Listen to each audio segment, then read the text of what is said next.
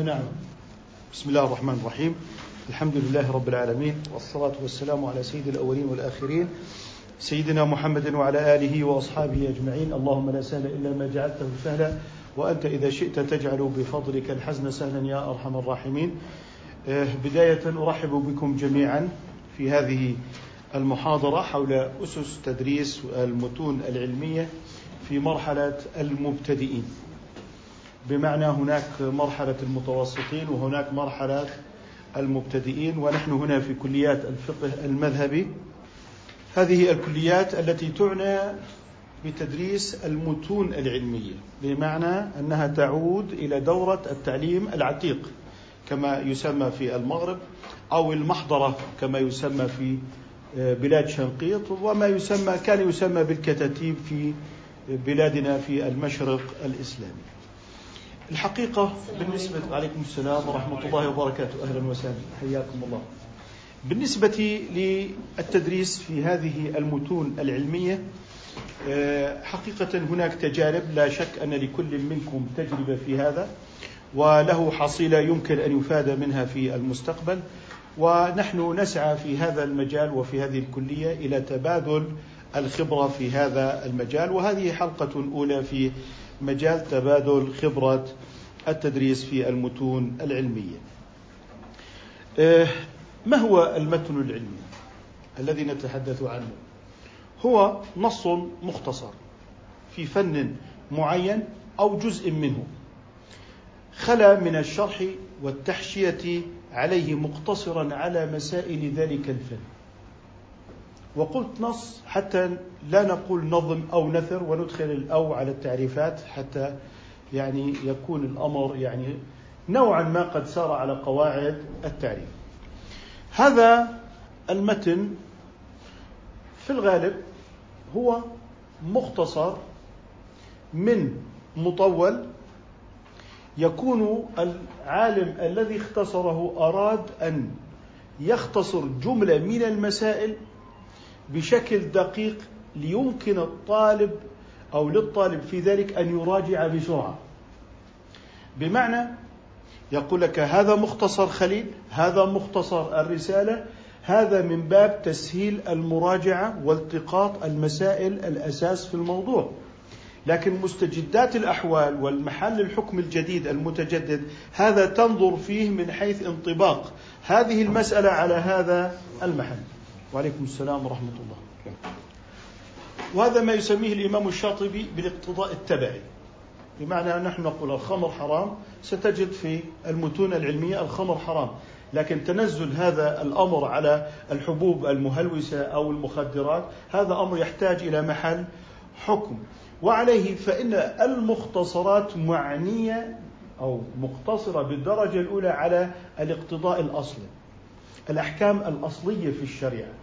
ربما يحدث هناك كما يحدث في بعض الحالات والنوازل ومراعاة القول الضعيف وما إلى ذلك. هذه بتكون من باب الاقتضاءات التبعية وليست من باب الأحكام الأصلية التي يهتم بها العلماء في تنزيل الحكم الأصلي على محله في الواقع وتغيراته في الواقع.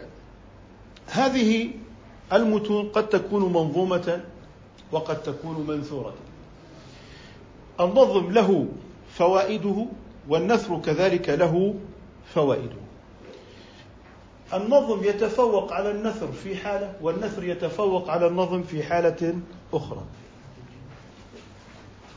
فالنظم له فائدة وهو أنك تستحضر القيود والشروط عن طريق ميزان ووزن البيت فيساعدك هذا في الاستحضار. لكن من عيوب النظم؟ أن الناظم أحيانا يضطر لتكملة الوزن بكلمة زائدة. وأحيانا قد يختصر لعدم انتظام الكلمة مع الوزن فيخرج أحيانا عن قواعد اللغة في بعض الأحيان وهذا يعني يختلف بحسب تفوق النظامين. فمثلا غلب على الأندلسيين أنهم أقوياء في النظم. في موضوع المنظومات. فلذلك مثلا تجد في تحفة الحكام لابن عاصم الغرناطي وهي تحفة وهي متقدمة في القضاء تجد أن هناك براعة فيها ولا تجد هذه الزيادة أو ذلك النقص. ابن مالك ما هو في الأصل جياني من الأندلس تجد أن له تفوقا يعني وبراعة في النظم. لكن لو جئنا إلى منظومات المشارقة مثلا مثل محمد البشار فستجد أن هناك بعضا من الاختلالات في آه، النظم آه، اقتضتها صناعة الوزن. وبالتالي قد يخرج عن بعض القواعد من أجل الوزن. لكن الوزن في جميع الأحوال أفضل من النثر في الحفظ وهو أسهل للحفظ. لذلك قال في آه، النابغة قال وإنما رغبت في النظام لأنه أحظى لدى المرام وهو الذي تصغى له العقول والسيف من حصوله مسلول. بمعنى عندما تستشهد على الحكم الذي تأتي به بأبيات من النظم يعرف هذا السامع أنك درست المسألة وحفظت فيها لا أنها من باب بنيات الفكر ومن قدح في الذهن في الحال. وهو أفضل لدى المرام أي أنك تستحضر من ذلك الحفظ. لكن هذا ليس موجودا في النثر. لكن عبارة النثر أوفى وأجزل. والفقهاء يتخرجون على عبارة النثر. كالرسالة وخليل لأن الكاتب هنا ليس مضطرا إلى موافقة الوزن. فأهم شيء عنده هو موافقة المعنى المقصود والمراد دون أن يتقيد بما يقيده به الوزن. لذلك نحن نرى أن المنظومات لها غاية وتؤدي فائدة ليست موجودة في النثر وأيضا هناك غاية وفائدة في النثر ليست موجودة في النظم ومن ثم عندما تعددت عندنا المنظومات الفقهية والمنثورات الفقهية إنما هو بحسب تعدد هذه الحاجة. الآن نحن نتكلم عما يتعلق ب آه، المتون للمبتدئين. هذه المتون للمبتدئين صيغت بحيث تناسب المبتدئ في العلم. قد يكون كبيرا في السن لكنه مبتدئ في العلم. إذا هي لمرحلة المبتدئين في العلم. وهناك للمتوسطين وهناك للمنتهين. بمعنى أن لدينا تدرجات وكل مذهب أهله يعرفون هذه التدرجات. الحنفية عندهم ذلك والشافعية والحنابلة والمالكية كذلك لكن عندنا في المذهب مثلا ما يبدأ به الطالب هو متن الأخضر. مقدمة في الآداب والتوبة وثم بعد ذلك الطهارة والصلاة فقط. وأيضا للمبتدئين نظم ابن عاشر في العقيدة المقدمة الأصولية ثم العبادات. مع مقدمة مختصرة في أصول الفقه. بحيث يعرف معنى الحكم والواجب والسنة والمندوب وما إلى ذلك. وفرض الكفاية وفرض العين والسنة الكفائية والسنة العينية. بمعنى أن الكتاب نفسه راعى الابتداء في العقيدة وراعى الابتداء في الأصول وراعى كذلك الابتداء في فقه العبادات. فقه العبادات الذي يبدأ بالطهارة ثم الصلاة الزكاة الصيام الحج ثم كتاب التصوف الذي هو يعني في الأدب والسلوك.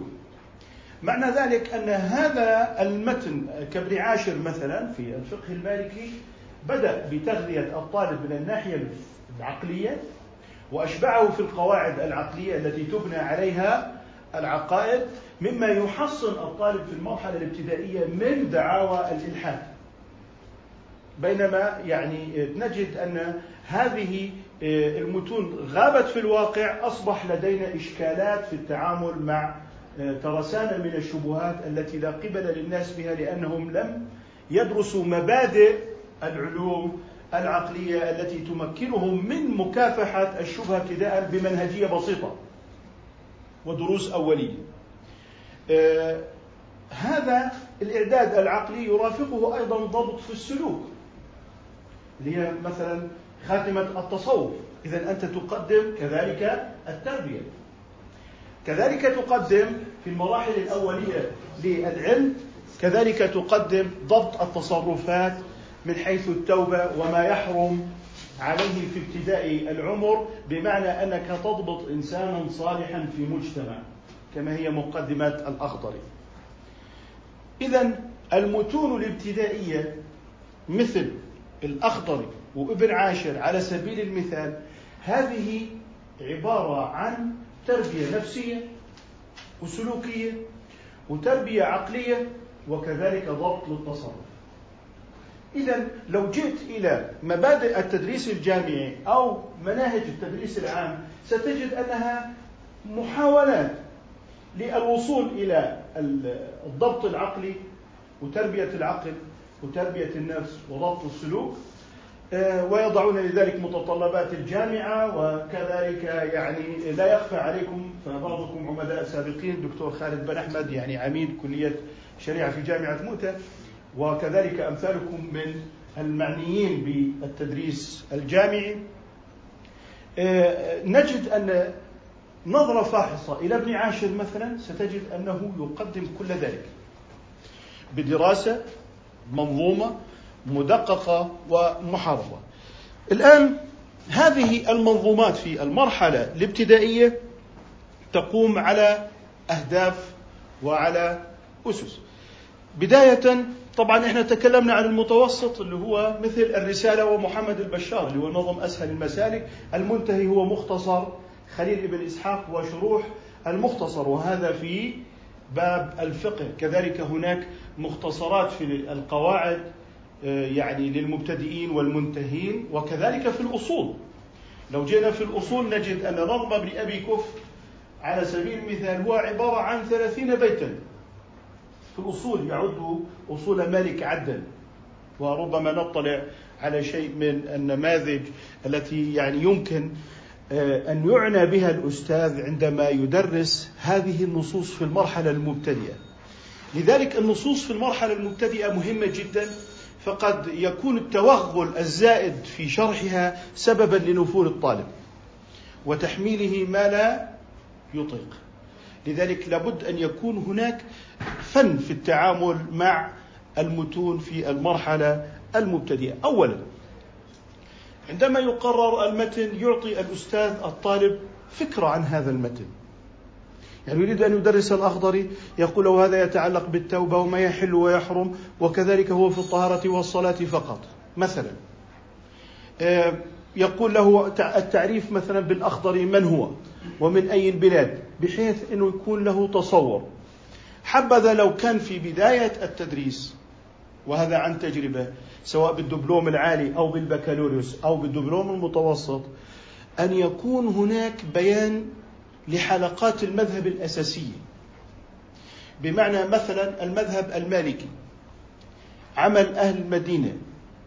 أصول المذهب مثلا آه، مثلا المدونة الموطأ المجموعة لابن عبدوس على سبيل المثال العتبية إلى آخره الموازية إلى آخره هذه الكتب الأصول في رواية المذهب ثم يتنقل إلى حلقة مثلا ابن أبي زيد القيرواني الجامع للروايات المدونة وأيضا جمع ما هو عن الإمام خارج المدونة فكان حصيلة ذلك كتاب الرسالة لابن أبي زيد.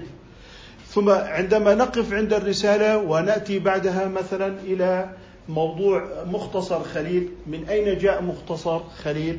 جاء مثلا من آه، مختصر ابن الحاجب الفرعي.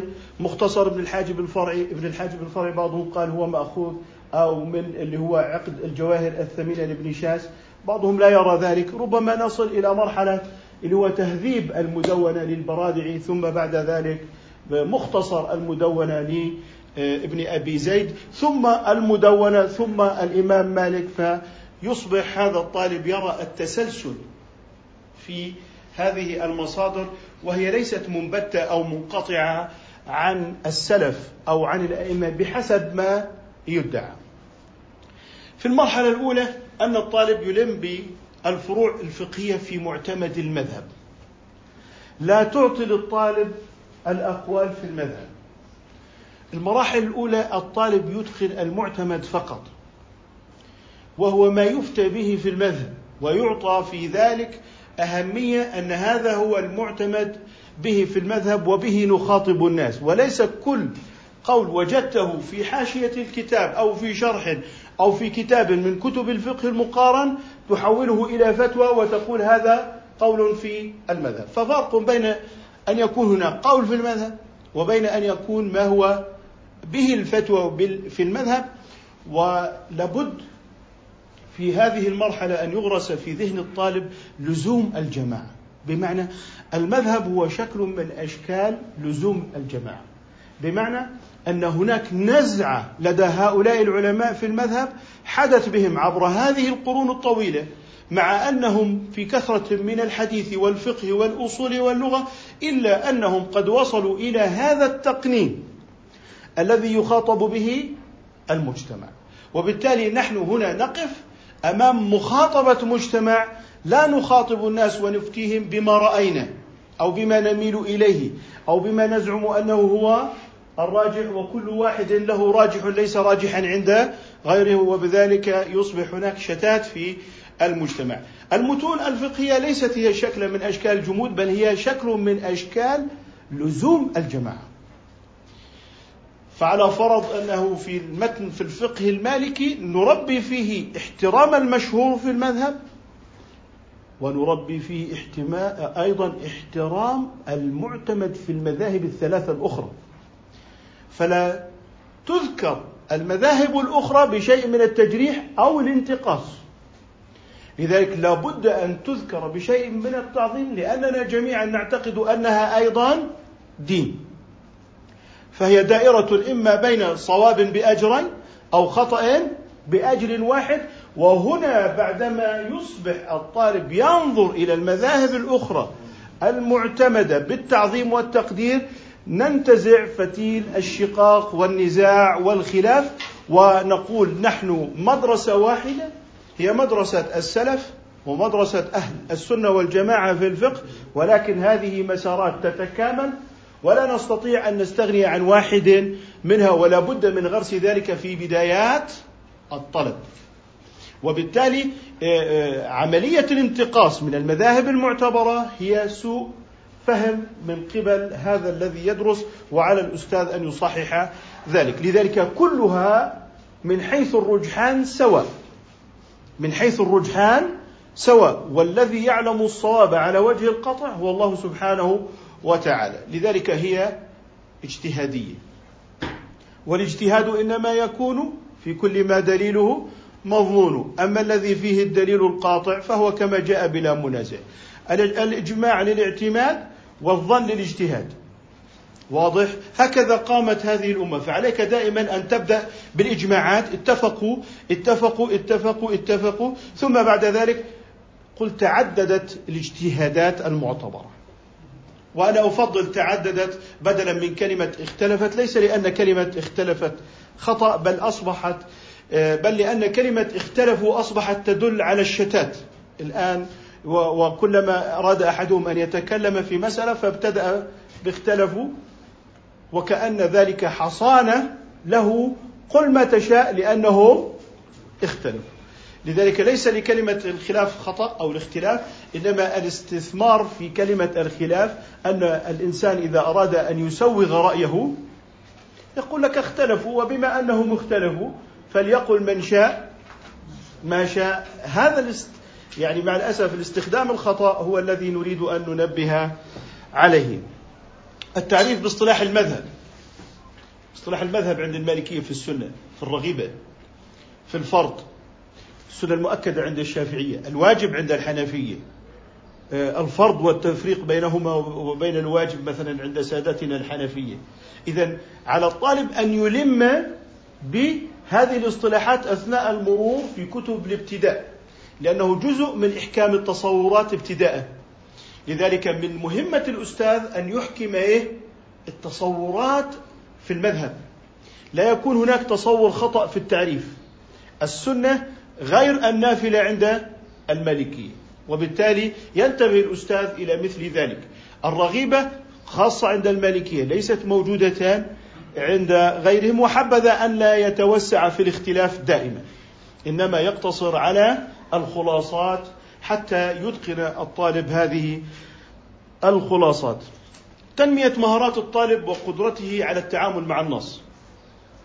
القراءة المتقنة. يعني أول ما يدخل الأستاذ بده يكون هدف عنده أنه الطالب يقرأ قراءة متقنة وهذا سيكون أثناء القاعة. إنما أنا أتكلم الآن عن الأهداف والغايات. إثراء قدرات الطلاب اللغوية والمعرفية. يعني هذا هدف من أهداف آه، دراسة المتون. بيان أهمية علوم الآلة. بمعنى أن يغرس في الطالب أهمية النحو. ويرشد إلى المتون الابتدائية في النحو كالأجرومية مثلا. آه، كنظم ابن أبي كف مثلا عند المالكية. نظم الورقات أيضا مستفاد منه عند جميع المذاهب ويعتبرون هذا الكتاب للإمام الجويني من أمتع ما كتب في مراعاة أحوال الطلاب المبتدئين. تقوية صلة الطالب بكتب الأمهات. يعني أشكركم سيدي. تقوية صلة الطالب بكتب الأمهات في المذهب. يعني لا نقول له اشتري كتابي من تأليفي اشتري كتاب الفلاني كذا إلى آخره. نحن نريد أن نوطد علاقة الطلاب بكتب الأمهات. المصادر المعتمدة في الفتوى يرتبط الطالب بالمصادر المعتمدة في الفتوى. هناك كتب مهمة وقيمة جدا لكنها ليست متصدرة للفتوى مثل كتب الفقه المقارن في المذهب. هذه كتب استدلال بمعنى كتب مقارنة كتب ترجيح وهكذا. تفضل دكتور عمر. يعني على جهة التعرف فقط أم على جهة يعني إيه سؤال الدكتور عمر. التفقه فيه يعني آه. سؤال الدكتور عمر إنه هل يعني يوجه إليها بناء على أنه سيتفقه بها؟ لا بالتأكيد لا. إنما ليعرف أصوله. ليعرف مثلا خليل من أين جاء؟ مرده إلى المدونة مثلا. طب المدونة من أين؟ من أسئلة التلاميذ إلى شيخهم.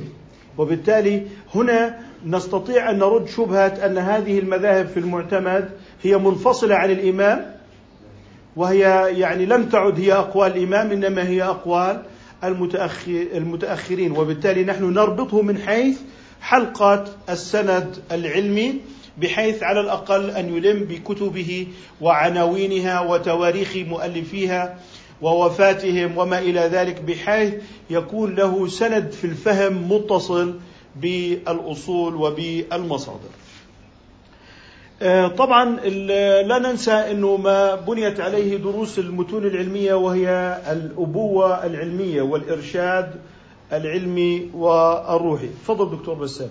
يعني في هذا الجانب أنا يعني أنظر إنه الآن هو ليس بده يتعامل مع الأمهات يعني بصورة شمولية، ممكن أنا أوجهه أقول له اذهب لي إلى باب كذا في مسألة كذا ارجع إليها على أساس أنه يعلم أن هنالك في هذا المذهب من الأمهات يعني موجودة ويعني عندما يذكر خليل فرض المساله على سبيل على سبيل المثال قضية السد وسد يده يجد هنالك كلام مطول في الأمهات عن هذه القضية وخلاف كبير بين يعني بين أصحاب المذهب الواحد.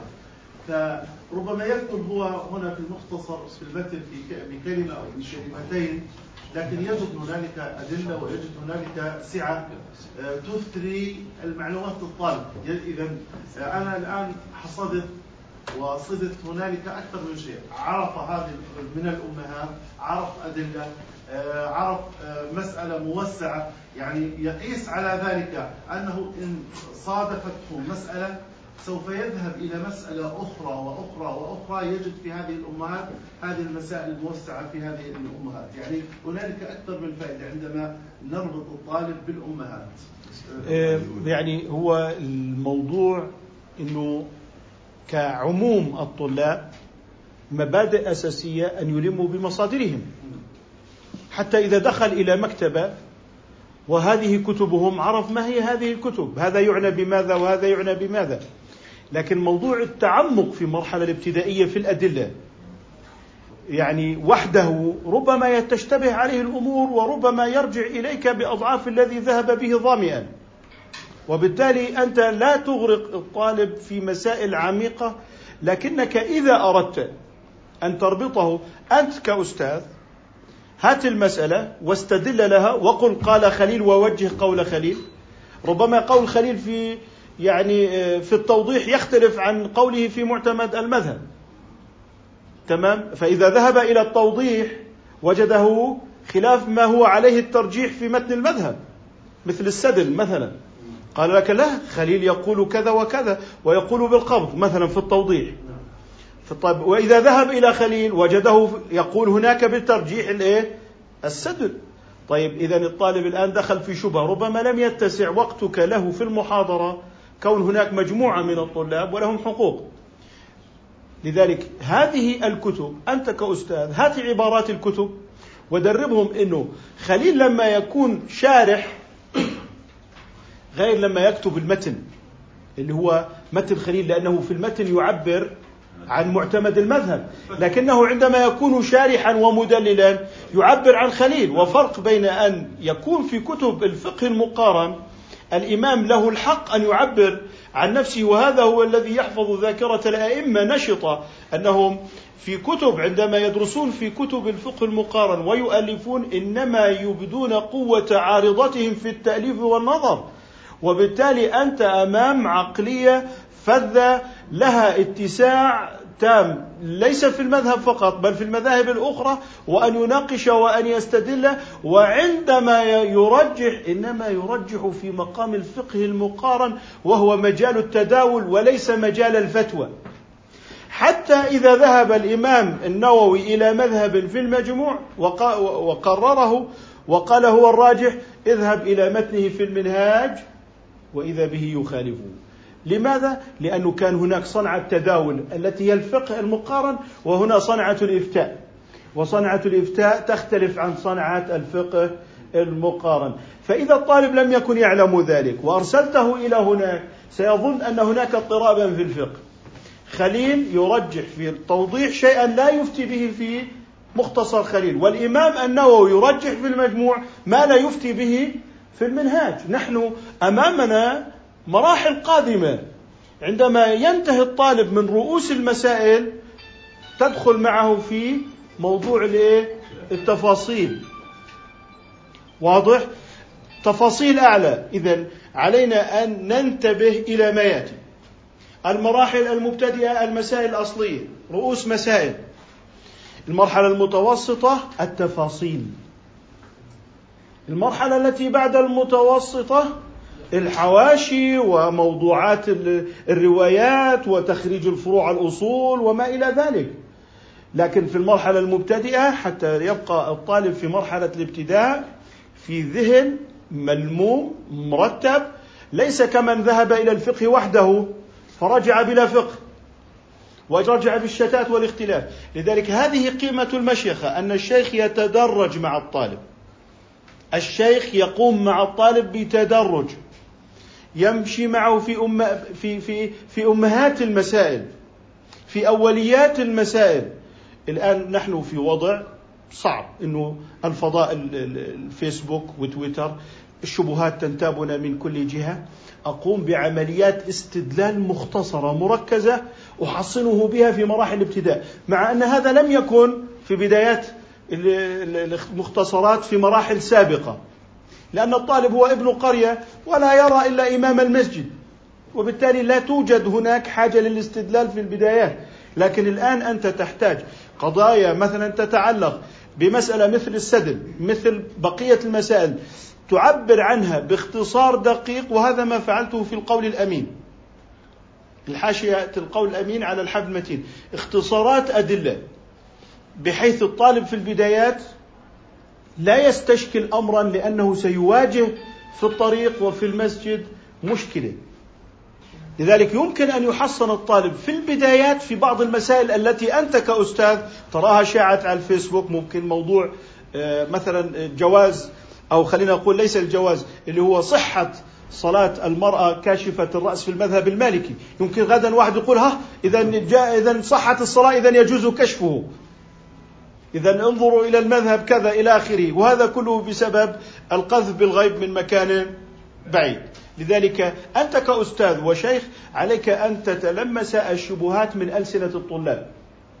من من طبيعة أسئلتهم لابد أن تعرف أنه قد تعرض إلى شبهة كذا وكذا. وبالتالي يكون الاستدلال في مراحل الابتداء ملخصا مركزا ولكن لا نستطيع أن نحيله إلى المازري. طب المازري سيتكلم باصطلاح أصولي. وسيتكلم بتعارض الأقيسة وسيتكلم بترجيح المفاهيم. طيب كيف يعني سيفعل الطالب في الابتداء في هذا؟ لذلك هذه مهمتك أنت كأستاذ أن تلم الموضوع اللي هو الاستدلال وبشكل مرخص ملخص ومركز وبنقاط. سهلة الهضم ليتمكن الطالب من آه، يعني الفهم والاطمئنان إلى هذا الاستدلال وهذا يعني طرأت آه، علينا فيه ظروف مستجدة.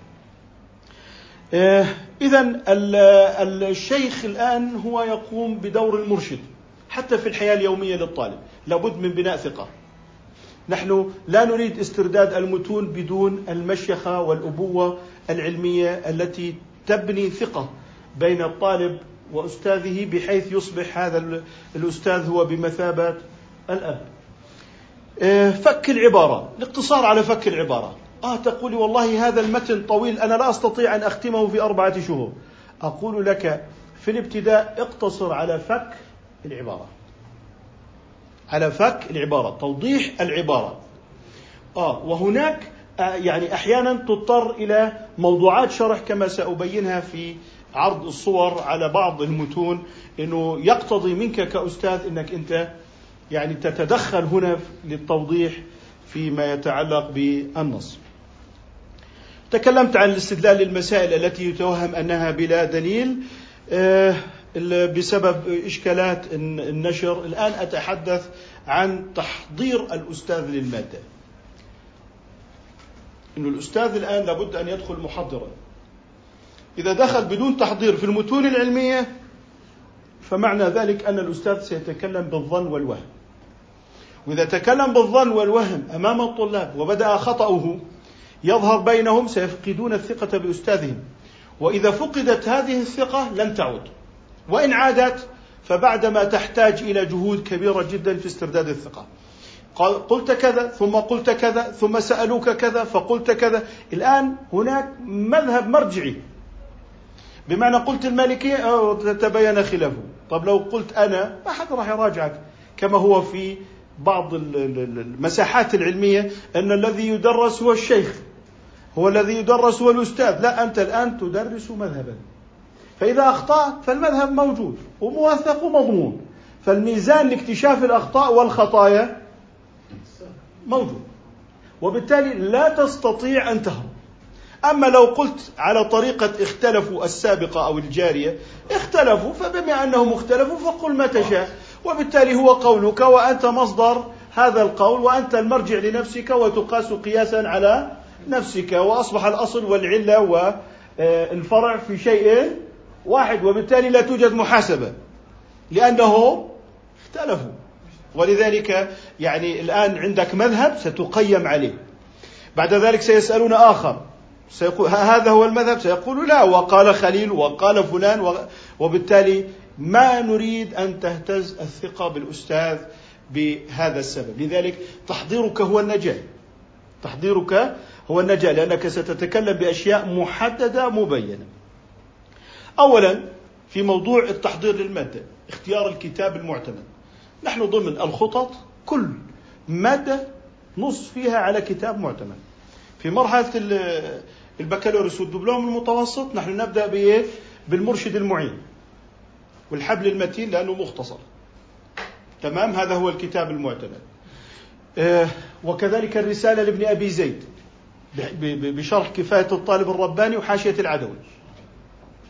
آه كذلك الشرح الصغير. يعني في البكالوريوس بيكون الطالب قطع المبتدئين ووصل آه، إلى المرحلة الوسطى اللي هي الرسالة وشروحها. اخترنا شرح مثلا آه، كفاية الطالب الرباني لأنه من نوع الشرح الممزوج. يعني الطالب سيقرأ الرسالة ومعها الكفاية بحيث تكون نص ممزوج كأنها نص واحد وبالتالي اقتصر الآن على هذا النص اللي هو الكفاية. متى تلجأ للعدوي؟ لما أنت في البيت تقرأ بصفتك أستاذا العدوي ترى أن العدوي قد خالف الكفاية. تبدأ الآن بدك تحقق المذهب. بصفتك أستاذا لتقول للطالب هذا هو المذهب. أما فقد كفاك العدوي ذلك. قد كفاك العدوي ذلك. وأنا من خلال التتبع وجدت العدوي وهو طبعا محشي الخرشي على خليل. يعني هو مرحلة متقدمة جدا. وبالتالي يكون قد كفاك التحرير. وبالتأكيد عند إخواننا الحنفية والشافعية ستجدون أن هناك من كفاك التحرير. ولذلك تقرأ بالنص مسترسلا تفك العبارة. حتى إذا وصلت إلى نقطة فيها إطلاق لابن أبي زيد وفيها تقييد مثلا غير كامل للشاذلي ثم تنزل وتكمل من العدوي. لكن لا تستطيع أن تطالب الطالب بالعدوي. لكن إذا أردت التركيز في هذه المرحلة المتوسطة أنت عندما تطالبه بالعدوي كأنما تطالبه بحاشية على خليل. لذلك هذه قيمة المتون العلمية أنه ما فات المصنف أدركه الشارح وما فات الشارح أدركه المحشي وما فات المحشي أدركه المعلق وبالتالي هي قراءات نقدية وحراك ذهني دائم على خلاف ما يشاع بأن الفقه فيه من الجمود وما إلى ذلك مع الأسف الشديد.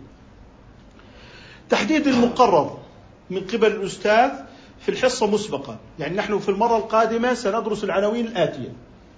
يقررها على الطلاب. ليطلع الطلاب على العناوين ويأتوا وليأتوا يعني ليعلموا ماذا سيتكلم معهم فيه لكن لا يدرسونه دراسة. لأنك تخشى من الأفهام الخطأ.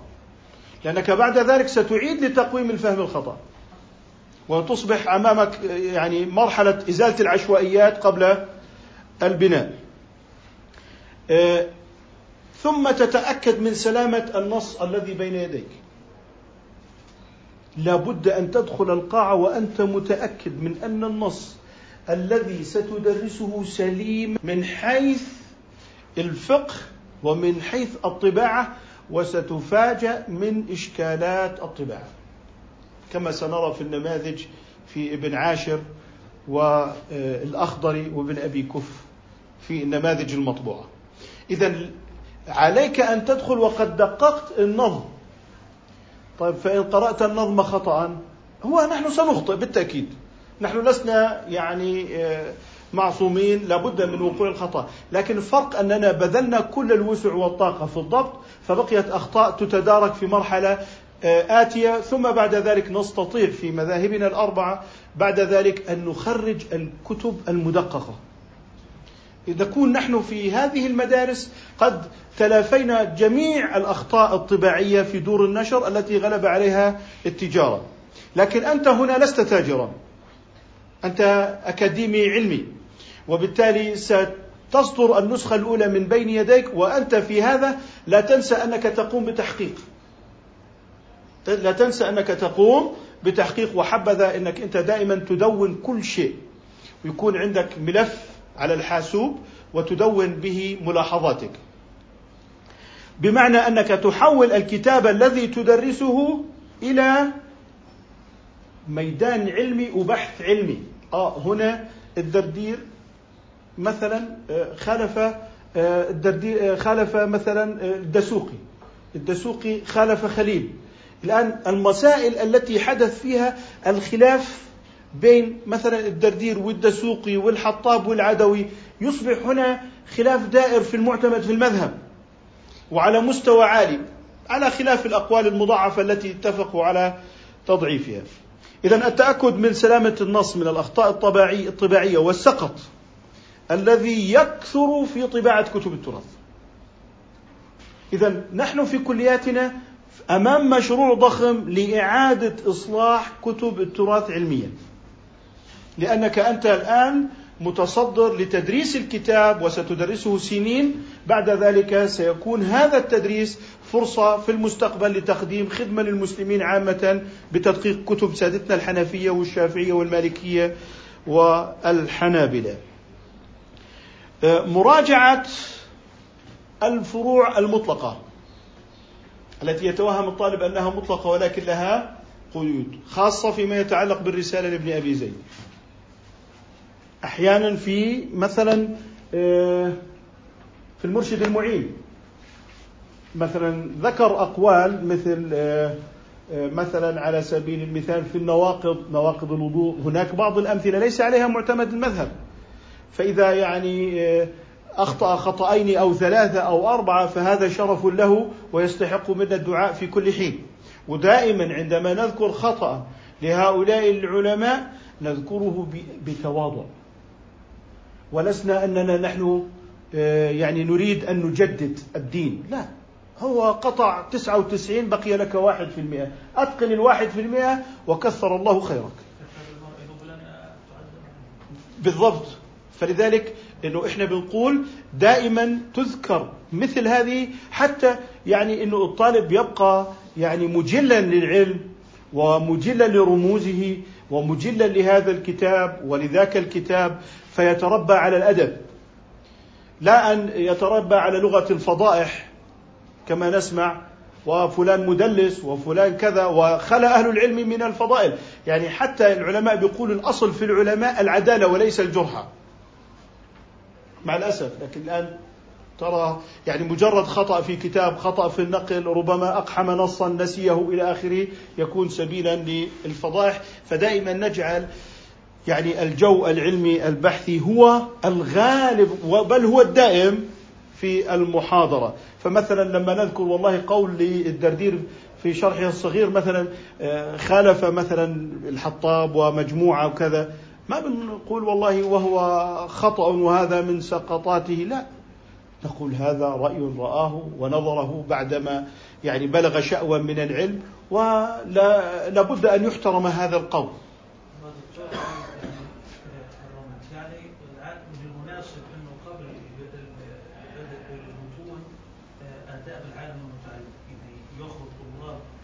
لا شك أنه الأدب بده يكون في البداية لكن نحن نريد إنه أن يكون الأدب في كل لحظة.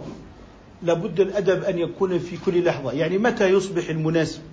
لما نأتي إلى نقد علمي لا ننقد بطريقة حادة بل يعني ننقد وكأننا يعني نحن المنتقدون.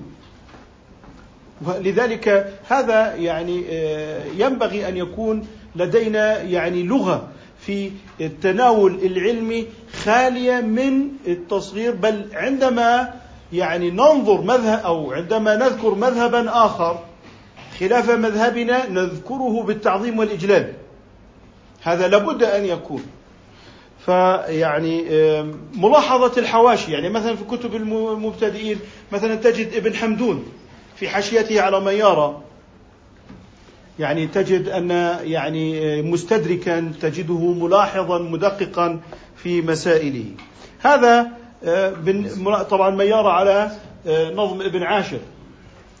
آه، أما داخل القاعة الدراسية الآن الأستاذ حضر مادته أتقن فروعه تبين الأقوال المطلقة لاحظ القيود التي تنبغي ينبغي مراعاتها لاحظ الأخطاء الطباعية وضع عليها إشارة مواطن السقط بينها مواطن التي يعني يريد من الطالب أن يعني يتقنها المواطن التي يتوقع من الطالب الخطأ فيها بمعنى إنه أول تحضير للدرس سيأخذ منك ساعات طويلة. اعداد الاسئله الذهنيه الان إعداد الأسئلة وأنا سأتكلم الآن في موضوع إعداد ورقة عمل. حتى إعداد ورقات عمل بمعنى إنك أنت تدخل ومعك ورقة عمل. ورقة العمل هي بدنا نستفيد من وقت الطالب خارج القاعة. من وقت الطالب خارج القاعة. لذلك إعداد ورقة العمل تكون أسئلة مدققة ومحررة والطالب يستفيد من هذه الورقة في مراجعة الدرس الذي أعطيته في المنزل. يعني يذهب للمراجعة. فبيكون الطالب أخذ فكرة عن الدرس قبل الدخول إلى القاعة. درس الدرس اللي هي مرحلة الآن ثم بعد ذلك مرحلة ما بعد الدرس. أول ما يبدأ الدر الأستاذ طبعا بعد موضوع التأكد للقاعة ووجود الطلاب وما إلى ذلك يبدأ بمراجعة الدرس السابق بالخلاصات. أسئلة معينة. يسأل سؤالا. ممكن من القاعة في المرحلة في البدايات يرفع اليد طالب أو طالبة أو مجموعة محددة. هؤلاء هم الذين راجعوا الدرس. تثني على المراجعين والمناقشين. بعد ذلك هذا التحفيز للغير على المراجعة. معنى الأسئلة عن الدرس السابق أنك تؤكد على المراجعة الدائمة. طيب هذا الدرس السابق. طيب وما بال الدرس الذي سبق السابق؟ أيضا تسأل. بحيث يشعر الطالب دائما أن هناك يعني أسئلة دائمة على المادة السابقة. إيه، الاستثارة والتشويق لموضوع درس اليوم. ممكن يكون سؤال يواجه الناس عادة في المساجد. يعني وهذا يعتمد على قدرة الأستاذ في موضوع استثارة همم الطلاب. إيه، اختيار طالب مجيد للقراءة. لابد أن يقرأ النص. أول ما تدخل كل كل الطلاب فتح الكتاب ولا بد من قراءة النص متقنا. في البداية تختار أفضل طالب. لكن لا تعين دائما هذا الطالب هو الذي يقرأ. ليكون مثلا ثلاثة أربعة. وأن تحرص في المستقبل أن يكونوا ستة سبعة. واضح؟ اقرأ يا بني قرأ فلان. تلاحظ أن هناك طلاب ضعفاء في القراءة. إحنا ممكن عندنا يكون مثلا الطلاب غير العرب من دول آسيا في الفقه الحنفي أو الشافعي في أندونيسيا غير عرب أو الأفارقة في الفقه المالكي غير عرب.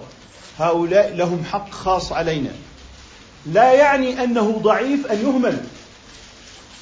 لا يعني أنه ضعيف أن يهمل. فتختار من الطلاب الضعفاء بعدما قرأ قرأ المجيدون اختر طالبين ضعيفين متوسطين للقراءة وبعد ذلك ممكن انه طلابنا غير العرب وإحنا ما بنقول الأجانب إحنا بنقول الآفاقيون. إحنا تعبيرنا الإسلامي الآفاقيون وليس الأجانب الذين يأتون من الآفاق. نحن نريد أن نحترس من هذه العبارة. يا ليتنا نستخدم اللي هي إيه؟ الآفاقيين. الطلاب الآفاقيون هذه لغتنا. الأجانب لغة ليست من ديننا مع إخواننا في الاعتقاد ليسوا أجانب. فلذلك قل الطلاب الآفاقيون الذين جاءوا من الآفاق. فالآن هذا الطالب مثلا أفريقي من آسيا حبذا لو أنك وزعت الطلاب العرب عليهم بحيث يستمعون قراءته لا. بحيث يستمعون قراءته نفس هؤلاء الطلاب الأفارقة مثلا يسكنون معا. اختر طالبا مجيدا يقرؤون عليه في السكن بحيث إنه إيه؟ يتدرب اللسان وتتدرب الشفتان آه، على القراءة. بمعنى إنه نجعل تداركات لما يتعلق باللغة في مساكنهم. واجعل مكافآت. هذا ضعيف إذا بلغ متوسط أعطيه. المتوسط إذا بلغ ممتاز أعطيه. واضح؟ أعطيه علامات أعطيه أي شيء. لقوله تعالى فأما من أعطى واتقى. حذف المفعول إذانا بالعموم. علما طعاما لباسا. الحذف هنا مؤذن بالعموم. فلذلك آه، كافئه أعطيه اهتماما خاصا بحيث يحب في المستقبل أن يقرأ وأن يعني يؤدي دورا لا أن يكون مهمشا. اذا تكرار القراءة مطلوب. والتأكد أنها متقنة. لا تقبل خطأ. الخطأ مكلف. بعد ذلك التصحيح سيكون صعبا. وهذا يعتمد على تحضير الأستاذ. تحليل النص أمام الطلاب. يا ابني لماذا نصبت هذه؟ هذه فاعل. لماذا رفعت هذا؟ هذا مفعول هذا حال هذا تمييز. فيبدأ الطالب بمعرفة اللغة العربية عمليا. وهذه أفضل وسيلة لتعليم اللغة العربية. أنه يتعلمها أثناء الممارسة. بمعنى أنت تعلم اللغة العربية كما يعلم مدرب السباحة السباحة. لا يعلمها بكتاب إنما يعلمها عمليا واقعيا. لذلك نهتم بموضوع التصحيحات اللغوية. هذا استثناء منقطع هذا استثناء متصل. طبعا الأستاذ لابد أن يكون هذا قد أعده آه، مسبقا. آه، موضوع الأدلة كما ذكرت يحتاج إلى يعني مهارة في الأستاذ أن يكون الدليل ملخصا مركزا بعيدا عن التشويه وبعيدا عن الإيغال في التفاصيل. نحن في مرحلة المبتدئين. تسهيل المادة العلمية بقدر ما أمكن. شأن الموضوع الدليل. إذا الدليل يعني إذا وجد دليلا ضعيفا وهنالك يعني لم يذكر يعني صاحب الكتاب أو الشارح أو غير ذلك من الدليل الصحيح. كيف يعني يعمل؟ أو أنه بنيت هذه المسألة على دليل ضعيف وهنالك دليل؟ ممكن أحاديث ضعيفة والأحاديث الضعيفة موجودة وتملأ كتب الفقه. وكان من أسباب صرف الناس عن مصادر الفقهية هو أن فيها أحاديث ضعيفة. الحديث الضعيف يعمل به تحت قياس وأصل. فمعنى لم يستدل بالحديث الضعيف استقلالا أو أصلا إنما عمل به تحت أقيس وتحت أصول عامة.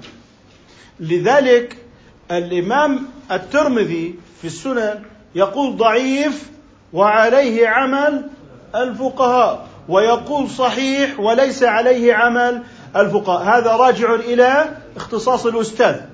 عندما تأتي إلى أحاديث ضعيفة موجودة في كتب الفقه فلم يستدل بها استقلالا إنما استدل بها تحت أقيسة وتحت أصول وربما تعرضت لذلك كثيرا في شرح أسهل المسالك. وهناك كثير من المسائل. هناك كثير من المسائل. كثير من المسائل. لم يكن الحديث الضعيف مستدلا بها استقلالا. البينة على من ادعى واليمين على من أنكر. هذا الحديث بهذا اللفظ ضعيف. ضعيف واهن. عليه مدار الفقه. الخراج بالضمان. ضعيف واهن. ضعيف. عليه مدار الفقه. لكنه وافق أصولا. ووافق قواعد. هذه صنعة فقهية وليست صنعة حديثية. واضح؟ فلذلك أرجو أنه ما يتعلق بالاستدلال بده يكون موافق منهجيات الفقه. إيه تقسيط المعلومات شيئا فشيئا. إنك أنت لا تعطي المعلومات دفعة. والله أنا عندي مادة علمية سأنهيها لأنه أنا عندي ضمن. الخطة سأنهي هذا الجزء من المواد. إذا بتحبون ناخر الأسئلة إلى نهاية المحاضرة إن شاء الله. فلذلك تقسيط المعلومة. لا أعطي مسائل قيود مرة واحدة. أحيانا أنا أحتاج إلى التمثيل يعني بيوع الآجال عند المالكية. حقيقة فهمها نظريا صعب. لكن تعال اعمل تمثيلية بين طالبين ببيع الآجال أمام الطلاب.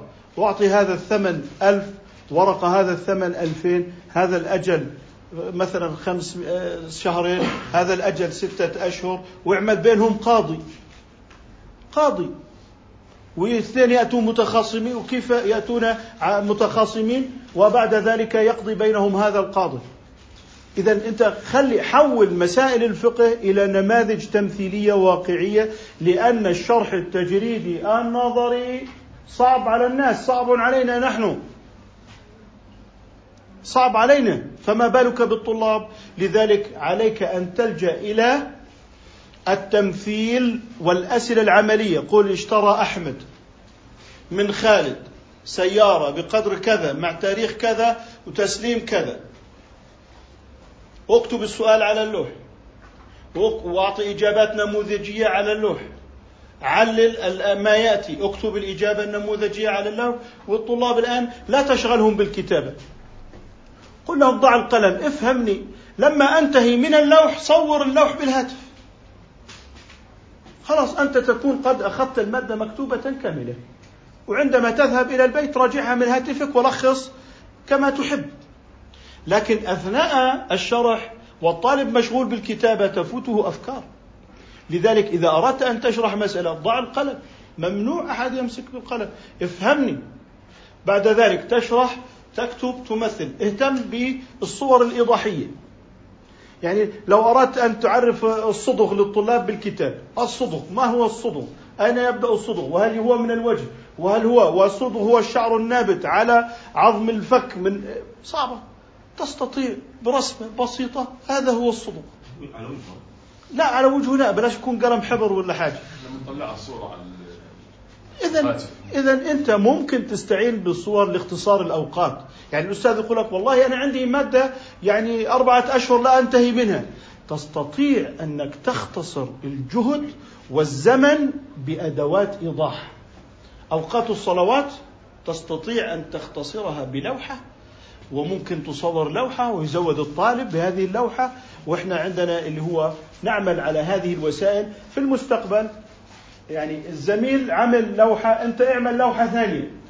زميل آخر عمل لوحة ثالثة رابعة في النهاية عندنا مجموعة لوحات جاهزة تصور يخدم بها الكتب. إذا صار عندي وسائل إيضاح أنا استطعت أني أختصر الجهد استطعت أني أختصر ال ال الوقت عبر وأوصل المادة في زمن أخصر وأقصر. لذلك آه، عندما ترى المادة العلمية كثيرة الأوقات قليلة تذكر الوسائل تذكر أسلوب تمثيلي آه، بيوع الآجال يعني أنا لو أقول لك بيوع الآجال لو شرحتها نظريا مهما شرحتها سيبقى في النفس منها شيء. لكن لابد إنك إيه تحولها إلى تمثيلية. هذا بيكون في مرحلة إعداد الدرس قبل أن تأتي وتتخيل سيناريو إن صح التعبير أو قصة معينة بين طالبين وقاضي وما إلى ذلك. هنا تصبح الأمور متجسدة. إحنا الحج مهما درسنا الحج لما تذهب إلى الحج تجد نفسك مع الناس لا تدري ماذا تفعل. مهما أتقنت الحج وقد التقيت أحد شيوخي في الحج فقال لي نحتاج خمس حجات حتى نتقن واحدة. لماذا؟ لأن الحج أمر عملي. لذلك آه، الأسلوب الأسلوب الأسلوب. ولا يجوز التوكيد فوق الثلاث. ولو جاز لقلنا الأسلوب مرة أخرى.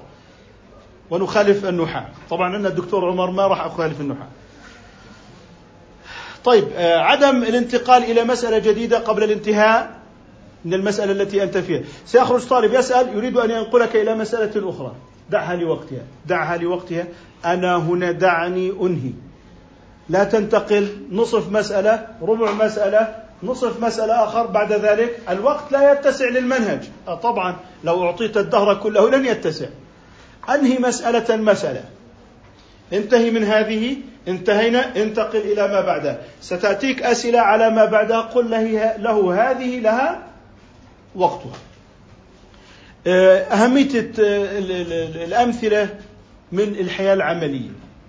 يعني لن نبقى نمثل بالدابة والعبد. لا تمثل بالدابة والعبد أمامك الواقع في الحياة والفقه أصلا جاء لصياغة الحياة وليس لصياغة التاريخ.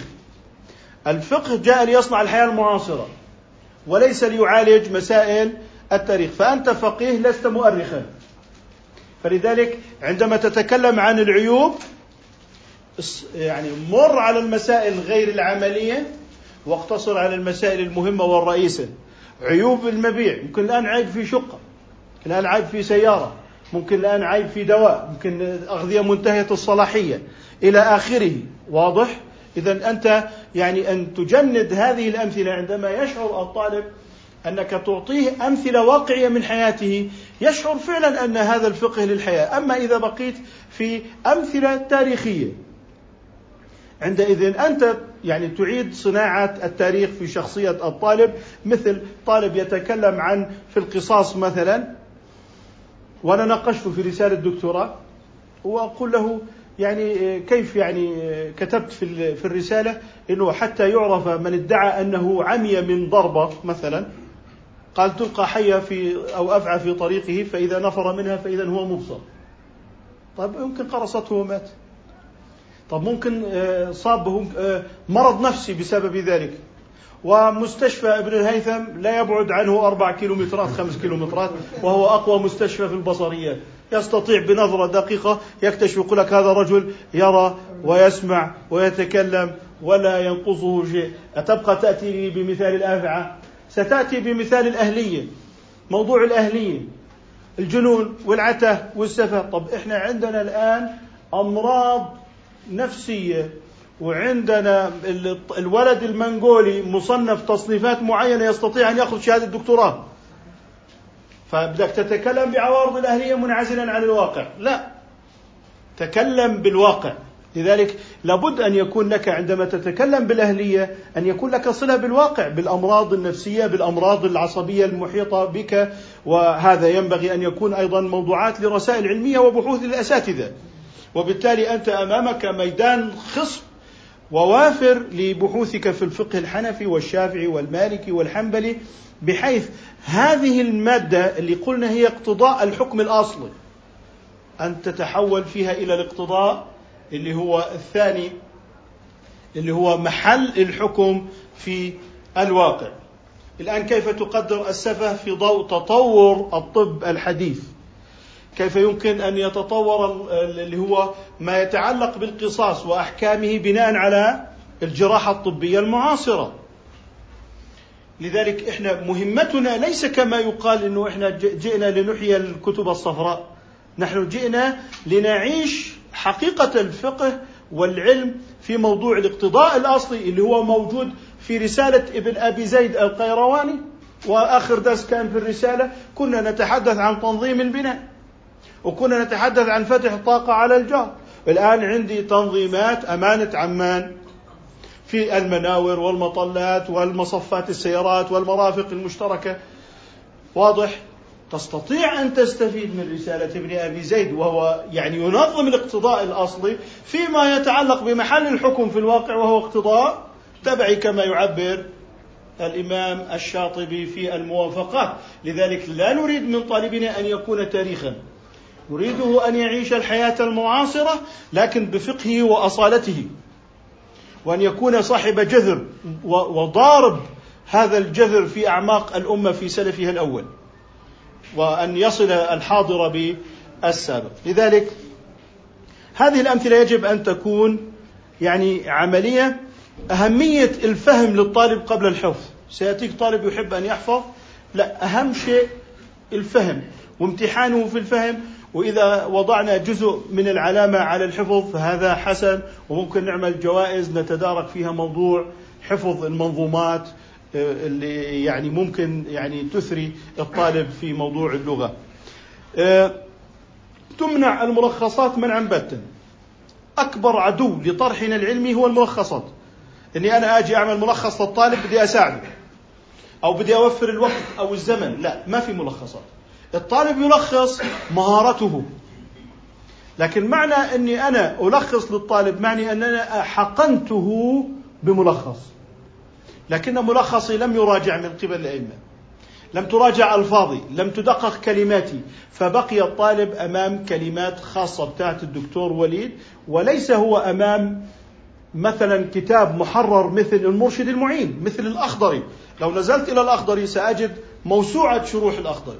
لو نزلت إلى المرشد المعين سأجد موسوعة المرشد المعين. سأجد هناك من دقق الألفاظ وهناك من استدرك وهناك. لكن ملخص وليد من, است... من يستدركه أصلا؟ ولماذا يستدرك؟ وما هو حتى يعني يمكن أن يعتمد أو لا يعتمد؟ مع أمامنا يعني مخزون علمي كافي. لذلك إياكم والملخصات فإنها أهلكت من كان قبلكم. ملخصات مضرة. لا يوجد بين الطالب والمعلم والامتحان وثيقة دراسية إلا الكتاب. القدوري سيبقى القدور. آه، إلى آخره من كتبنا المعتمدة. لا يوجد إلا الكتاب والطالب معه كتاب والكتب التي نقررها نقررها هي كتب عمر. يعني لما أقول الشرح الصغير مع حاشية الصاوي هذا كتاب عمر للطالب. لما أقول آه، مثلا كفاية الطالب الرباني مع العدوي هذا اسمه كتاب عمر. هذا لا ينقضي. لذلك إحنا ممكن نلجأ للتصوير في البداية إذا كان الكتاب غير متوفر في السوق. لكن إذا توفر الطالب لابد أن يحصل الكتاب. وهي مجموعة كتب محدودة. وهي مجموعة كتب أمهات مراجعة ومقررة. لذلك نحن لا ندرس متنا لم يشرح. ولم ندرس متنا لا حاشية عليه. لذلك المتون التي تدرس. لابد أن تكون مشروحة ولا بد أن يكون محشا عليها لأن التداركات هذه سيشعر الطالب أن هناك يعني مرحلة تحرير دائم واستدراك دائمة وأن الذاكرة الفقهية لم تمت ولم تجمد أبدا إنما ادعي يعني نقول جمود الفقه يعني الجمود الفقهي. لا نعرف ما معنى الجمود الفقهي.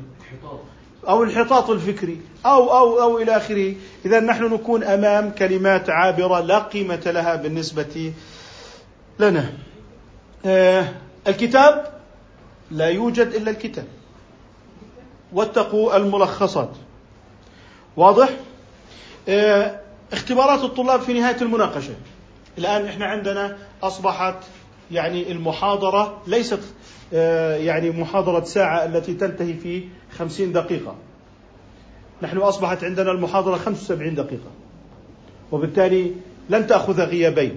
تأخذ غياب مرة واحدة انتهينا من الغياب. خذ الغياب في بداية المحاضرة فورا. تبدأ المحاضرة الثامنة خذ الغياب على الثامنة. ما بعد الثامنة؟ غياب. لا بد أن يعرف الطلاب ذلك. وعليك في بدايات هذا إنك أنت في موضوع الغياب ما يخرج الطالب آه، يعني عنده فكرة إنه ممكن يأخذ غياب وممكن ما يأخذ غياب. بداية المحاضرة خذ الغياب انتهى الأمر. لا أحد يراجعني في الغياب. المتأخر غائب. أحببت أن تخرج من القاعة؟ خلاص. إذا إذا جئت متاخرا لا تأتي. إذا أحببت إنه يحسب لك غياب أو لا غياب. أردت علما؟ تفضل. حتى يعني الطلاب ينتبهوا إلى هذه النقطة في موضوع الغياب. لذلك إذا كل طالب بعد ذلك سيقطع عليك الدرس. أنا متأخر أنا مواصلات أنا غير مواصلات أنا حدث معي. ثق تماما. فتح الباب سيؤدي إلى شتات الطلاب. تماما. لأنهم وأنت تشرح فتح الباب الكل باتجاه الباب. إذا نحن خسرنا وقتا. لا نريد أن نخسر الوقت. وينبه على الطلاب في جميع القاعات الحنفية والشافعية وإيه؟ والمالكية حتى نسير جميعا سيرا واحدا. لا يقال والله الأستاذ الفلاني مسهل للأمور وطيب ورحيم وشفيق وكذا وإلى آخره. لا هذا لا يعني شفقة في غير محلها هذا سيعطل القاعة. لذلك عليهم أن يرسخ في ذهنهم أنه المتأخر غائب بلا جدال ويتقيد معه ب 15% من المحاضرات. اختبارات طلاب بالمناقشة إعداد أوراق العمل التي قلنا عنها التي تساعد الطلاب بحيث يكون فيها اختبار لفهم الطلاب. يعني أنت تريد أن تختبر فهم الطلاب لا تستطيع أن تناقش كل طالب. وزع ورقة عمل. صح وخطأ. جاوبوا. بعد أن يجيبوا ابدأ بالإجابات النموذجية. أنت أجب ويصحح الطالب خطأه. يعني ما كان سيأخذ منك ساعة بيأخذ خمس دقائق الآن إذا هي عمليات المحافظة على الوقت. مراعاة كذلك الأستاذ لحاجات الطلاب في بعض المسائل في الخلاف العالي وهذه قد أثرناها. هي مع المذاهب الأخرى أيضا. بشرط الاقتصار على بيان المعتمد وعدم الإغراق في الأقوال التي هجرها العلماء وضعفوها في كتب المذاهب. لذلك في حالة الإشار كما ذكرت في موضوع المذاهب الأربعة تذكر بالتقدير والاحترام والتبجيل وأنها دين لأنها في يوم ما سنذهب إليها. فإذا سفهناها وإذا اتهمناها فهذا اتهام لأنفسنا. فلذلك يعني آه، عليك يعني مثلا نحن نفتي مثلا بقول الحنفية في زكاة الفاكهة مثلا الآن. أكبر مجالس علمية مالكية وشافعية يفتون مثلا بقول الحنفية في جواز إخراج صدقة الفطر نقدا. إيه، لكن لو قلت في يوم من الأيام هذه ليست دينا وهذا قول باطل ورد على الله ورسوله وهذا جهل بالأدلة وهذا لم يطلع عليه ولعله لم يبلغه لا. هو ما بلغ الإمام لكن لم يبلغ علماء المذهب طيلة هذه القرون. لذلك لابد من ذكر هذه المذاهب على أنها هي المذاهب الأربعة في القول المعتمد، أما الأقوال المضاعفة فهي ليست من محل الفتوى ابدا. عندئذ طالب الفقه الحنفي وطالب الفقه المالكي والشافعي يصلون في المصلى بكل أريحية بكل نفسية مطمئنة إنه إحنا جهدنا مشترك والقضية ليست بيننا القضية بين عدونا الذي يريد أن يهدم الإجماعات ويهدم العقائد وبالتالي يصبحون آه، صفا واحدا معا لحمل الرسالة والشعور بالهم المشترك. ولذلك هذا ينبغي أن يؤكد في المحاضرات تماما ونحن عندما نقول إن المذاهب الأربعة كل واحد منها عند الله على قدم المساواة ما أحد يستطيع أن يرجح بناء على ما عند الله إنما هو يرجح بناء على ما رآه. هذا ينبغي أن يكون واضحا يعني التعصب نشأ من ما يظن أنه هو الحق عند الله وغيره على باطل. بعض الناس يذهب يبحث بين المذاهب الأربعة يبحث عن الحق. مثلا طيب كيف تبحث عن الحق؟ هذا حق عندك وهذا حق عند غيرك إذا هو رأى حقا وباطل لا لا يوجد حق وباطل. هذا تعدد اجتهاد معتبر إما بين أجرين للمصيب وإما أجر واحد للمخطئ والإنكار على أحدهما هو إنكار على ثواب الله ورضاه. هذه العقلية هي التي تربي جيلنا العلمي المقبل اللي في المستقبل أن تجد أبناء المذاهب الأربعة على طاولة واحدة يناقشون قضية واحدة ثم يصدرون منها عن قول واحد فيما يتعلق بخدمة الأمة وهم نظرهم الأمة وليس الشيخ وليس فئة أو حزب أو جماعة أو حاكم أو محكوم إنما هو استشراف واعتلاء منبر الأمة ومنبر الوراثة النبوية. وهذا جزء من الوراثة النبوية. الاحتفاظ دائما بدفتر ملاحظات. دائما وأنت في القاعة معك دفتر ملاحظات. أسئلة فكرة لا تدخر يعني وقتا في تسجيلها. اكتبها فورا. إذا أركنت على الذاكرة تنسى. ستجد أن من الأسئلة ما يظهر عندك في القاعة ما يخدم العلم. لذلك لا تبخل على نفسك. بتسجيل هذه الملاحظات التي ستبنيك في المستقبل. ثم بعد ذلك نذهب إلى الامتحانات. الامتحانات على النمط الذي درسه الطالب. لا تحاول أن تعاقب الطالب بأسئلة أنت لم تدرسه على كيفيتها. أعطيته أسئلة صح وخطأ اعطيه أسئلة صح وخطأ. أعطيته علل الحكم الشرعي فيما يأتي أعطيته بين الحكم الشرعي فيما يأتي وأن تكون أسئلتك واضحة. يعني نفس الأسئلة اللي أنت بتحط عليها تحطها للامتحان. هات أسئلة مشابهة لها تماما واكتب أمامهم الإجابات المثالية النموذجية. بمعنى هو سيقتدي بك في الجواب المثالي. يعني أنت أطلعته على الجواب النموذجي. إطلاع الطالب على الصياغة النموذجية تحبب إليه إيه؟ وستحسن في قلمه الصياغة. إذا هو أصبح يرى نماذج يحتذى بها. فلما تكتب إجابتك النموذجية أنت عندئذ تعلم الطالب الصياغة وتعطيه نماذج رفيعة يقتدى بها. هذا كله أثناء المحاضرة. نعم أجاب واحد عدل من إجابته. أجاب الثاني زد عليها. جاب الثالث أخطأ احذف الخطأ. من إجاباتهم؟ تقوم بصياغة الإجابة النموذجية المتكاملة وهذا كله سيربي في ذهن الطالب الصياغة الكتابة العلمية الأكاديمية ليست الكتابة الوعظية الإرشادية. الكتابة العلمية التي تعنى بتدقيق الشروط والقيود والتصورات والمفاهيم اذا أنت تعلمه الكتابة الأكاديمية. إذا غدا عندما تطلب منه بحثا أنت يعني تطالبه بالكتابة الأكاديمية صفحة واحدة. آه، اكتب جوابا من خمسين كلمة علمه الاختصار. وعملنا تجارب سابقة في أسهل المسالك اللي هو الجواب لا يزيد على خمسين كلمة وكنا نقيسها بالورد. تحط الورد على طول يبين إذا خمسين أو أكثر من خمسين كلمة. مراعاة أن تكون الأسئلة شاملة المادة وأن تكون أوراق الامتحانات في القاعة الواحدة عدة نماذج. عدة نماذج. يعني نماذج مختلفة. واضح؟ هذه النماذج المختلفة لا تشعر الطالب بأن الأسئلة عدة نماذج. ولا تكتب على الورقة نموذج ألف وباء. اعمل عدة نماذج. صح وخطأ خلي أسئلة صح وخطأ بنفس الترتيب ونفس البداية. لكن في النصف اقلب كلمة تجعل ما هو صح خطأ في نموذج آخر. فإذا نظر الطالب الذي يريد أن يغش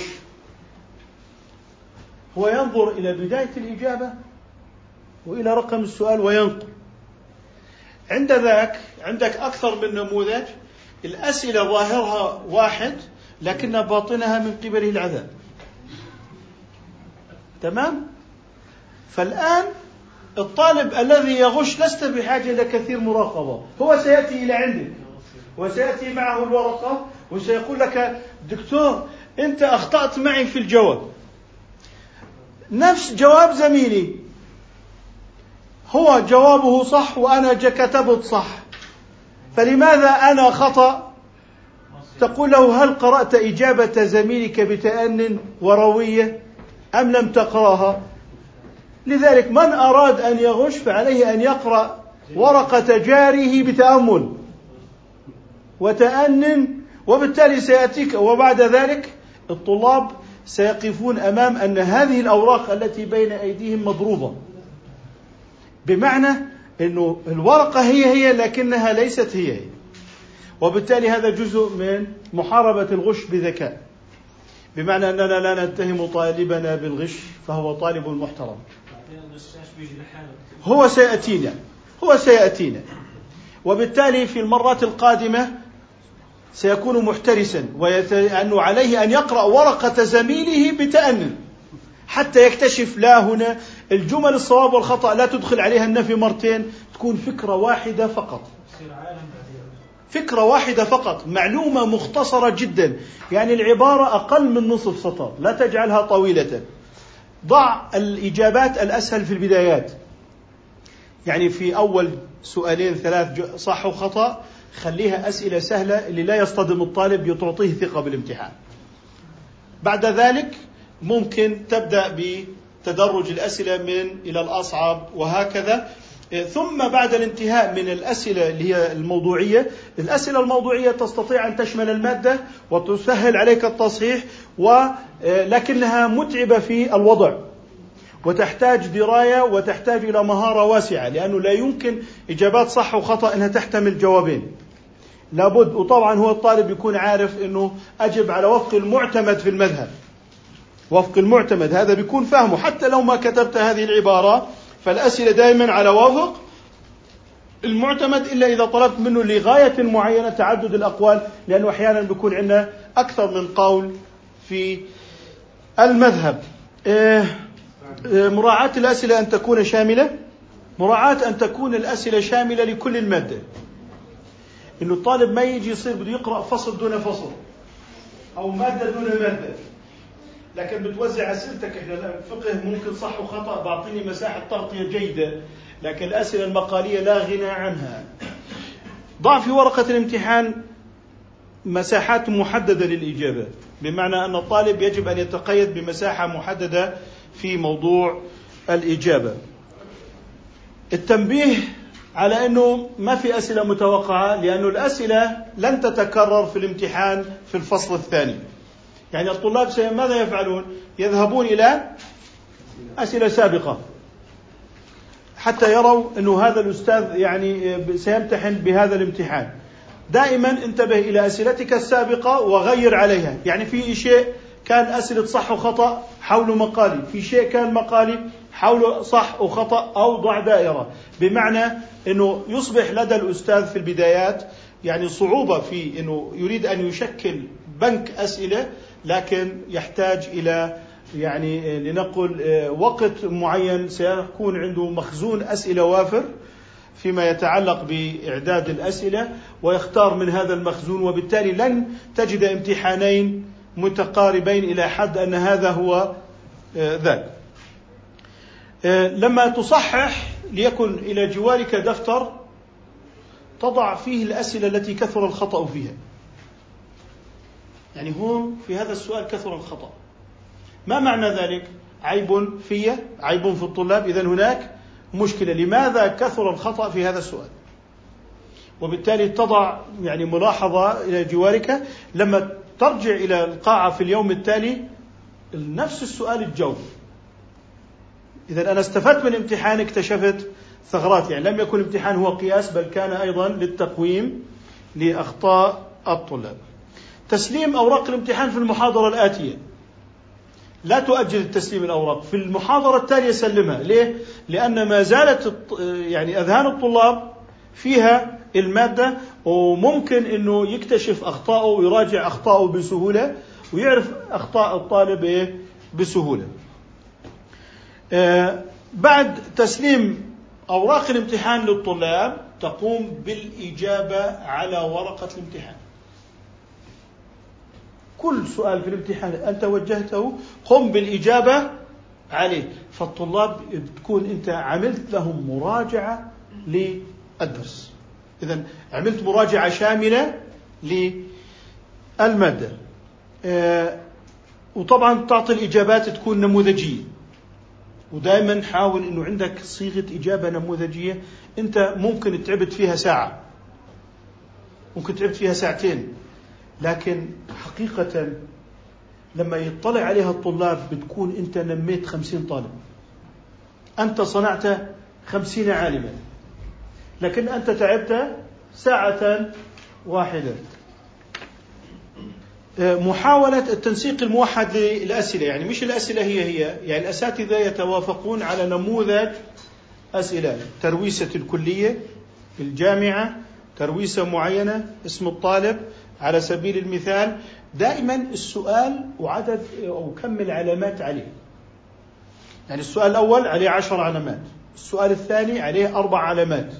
الطالب بيشوف أن الأمور مقيسة وموزونة.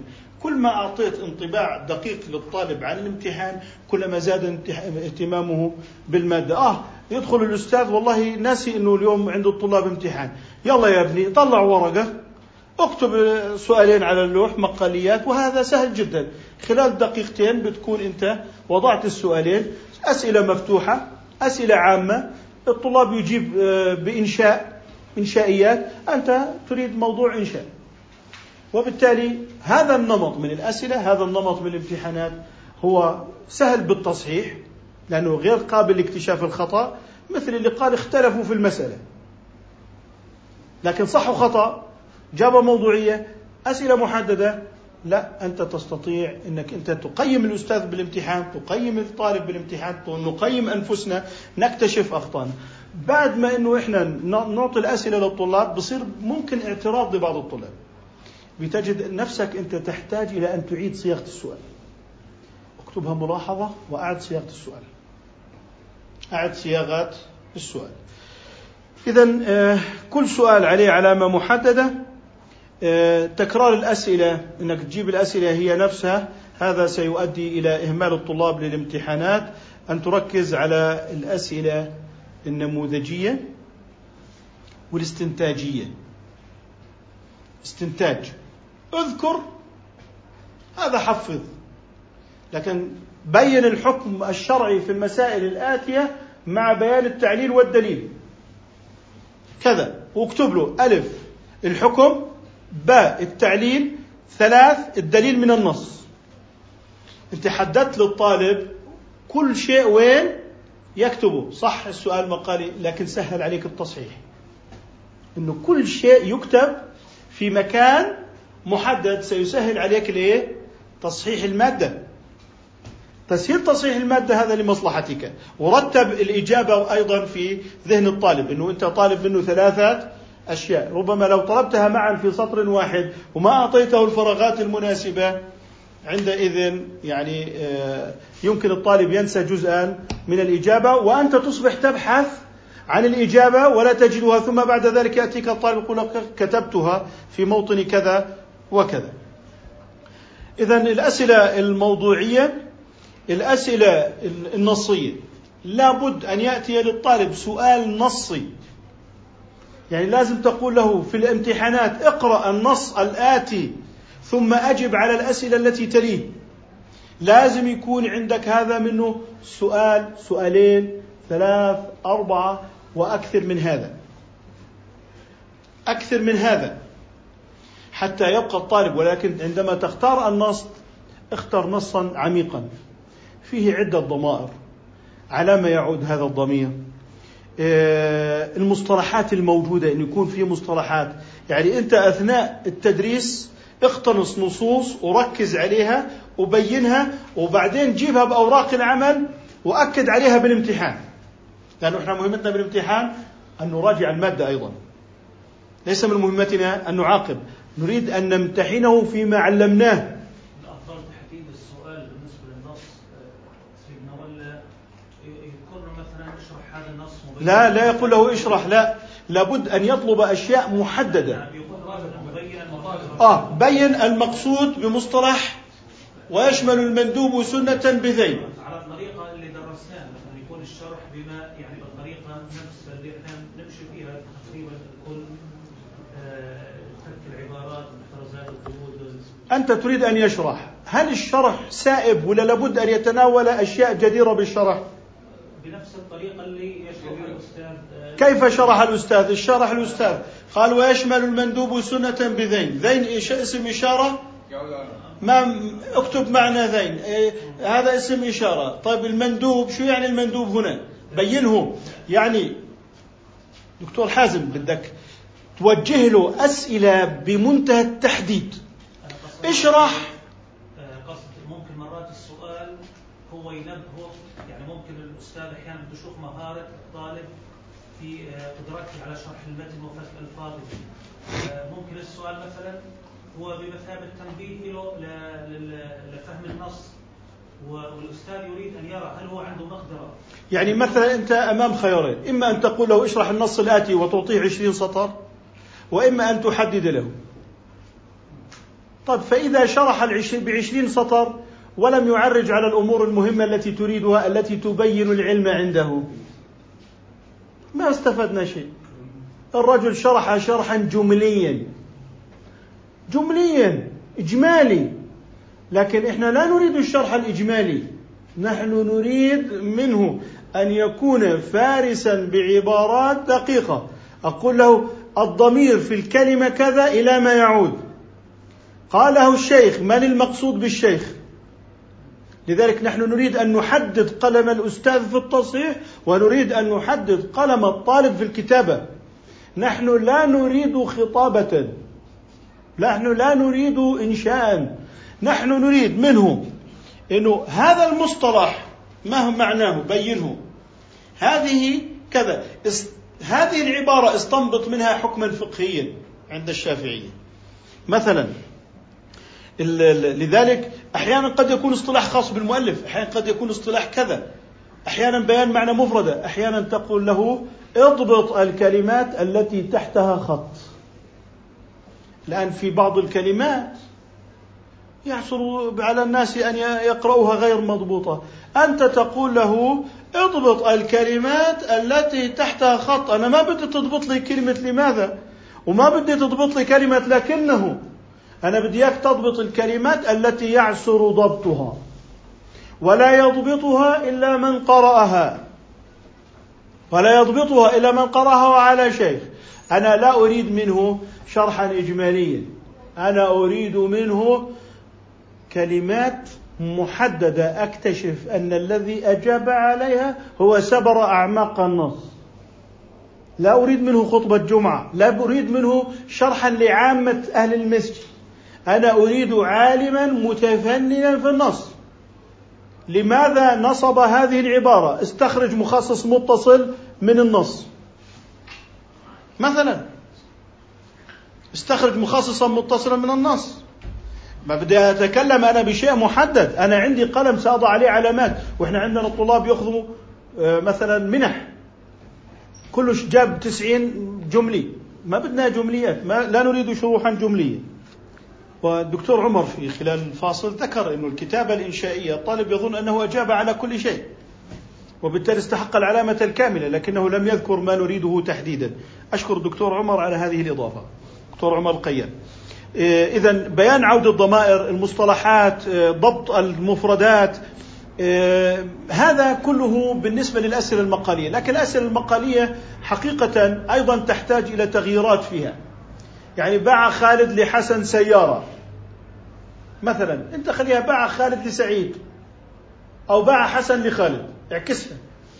حتى أنك أنت تخلي عندك نماذج مختلفة. بمبلغ عشرة آلاف واختلف أنه إذا كان البيع باثني عشر ألف وحاول أن تقلب بحيث صورة السؤال من بعيد هي واحدة لكنها في المضمون حتى أن الطلاب ينتبهوا إلى موضوع أنه إحنا بنربي الأمانة ونساعد على الأمانة العلمية. الآن آه، فائدة كيف يقيم الأستاذ نفسه؟ أنه إحنا بدنا نقيم أنفسنا. أنا بفضل أنه الأستاذ يسجل درسه لنفسه. وبعدما يرجع إلى البيت يسمع درسه. سيجد الأستاذ أن عنده أخطاء نحوية وصرفية. وهذه الكلمة لم تكن واضحة وهذه سيفهمها الطلاب على قدر كذا وهذه ربما تفهم خطأ كذا. فيبدأ الأستاذ بالمراجعة لنفسه والتدقيق لنفسه بحيث ماذا يمكن أن يعدل في المحاضرة التالية؟ هو سمع نفسه. طبعا إحنا نمنع الطلاب ما حدا يسجل إلا برضا الأستاذ. وبالتالي الأستاذ مره على مرة يحاول أن يقيم من اللسان ويحاول أن يقيم من الأداء وأن يدقق في الألفاظ الفقهية مع مرور الزمن سيجد الأستاذ نفسه أنه قد حسن من أداء نفسه وأنه قد يعني استفاد من خبرته في هذا المجال. تبادل الحضور بين الزملاء، يعني أنا بحضر درس بقول لزملائي في الفقه الشافعي والمالكي والحنفي تفضلوا عندي أنا اليوم عندي محاضرة محضر لها كويس. قدم أفضل ما عندك. لا نريد أن نتصيد المعايير. ممكن في البدايات والله أنا دكتور بلال إحضر عندي اليوم. بس الدكتور بلال والله بحط له ملاحظتين أو الدكتور بلال بالله أنا بلاش تحط ملاحظات أعطيني شو أفضل شيء عملته أنا وأنت استفدت بنكتب بصير ندخل عند زميلنا نكتب ماذا استفدنا منه. ما بدنا نحط ملاحظات ولا بدنا نقول إيه إيش استفدنا منه. طيب والله نطلع نقول ماذا استفدنا منه نكتب ولا شيء لا لازم نكتب استفادة حقيقة استفدنا. مستحيل ندخل بدون استفادة. لذلك ندخل ونقيم أنفسنا بأنفسنا. استفدنا من محاضرة الدكتور أيمن استفدنا من الدكتور أحمد الدكتور بسام إلى آخره. استفدنا الاستفادات الآتية وتسجل تبادل زيارات. بمعنى إنه الأستاذ إحنا ما بنيجي بنطرق الباب عليه والله بدنا نحضر محاضرة. لسنا يعني مراقبين أصلا ولا هذا لا يحق لنا لأنه ما وقف هذا المكان إلا لأنه مؤهل. فنحن يعني ندعو الزملاء أن يتزاوروا فيما بينهم للإفادة من الخبرة. وأن يدخلوا عند الزميل ليستفيدوا لا ليفيدوا. لا نريد منهم أن يوجهوا له أي ملاحظة. إلا إذا طبعا الأخوة أحيانا بتكون العلاقات مفتوحة وكذا وبيكون آه فبيكون إحنا معلش هذه داخلية خاصة لكن إحنا بنقول لما نعمل محضر حضرنا عند زميلنا ونضعها في ديوان الكلية كجهود من الزملاء لتطوير الأداء نقول إنه استفدنا من زميلنا الفوائد الآتية وكل واحد يسجل استفادته. آه هذا ما أردت أن ألخصه في موضوع تدريس المتون المبتدئة وأكتفي بهذا القدر إن شاء الله تعالى.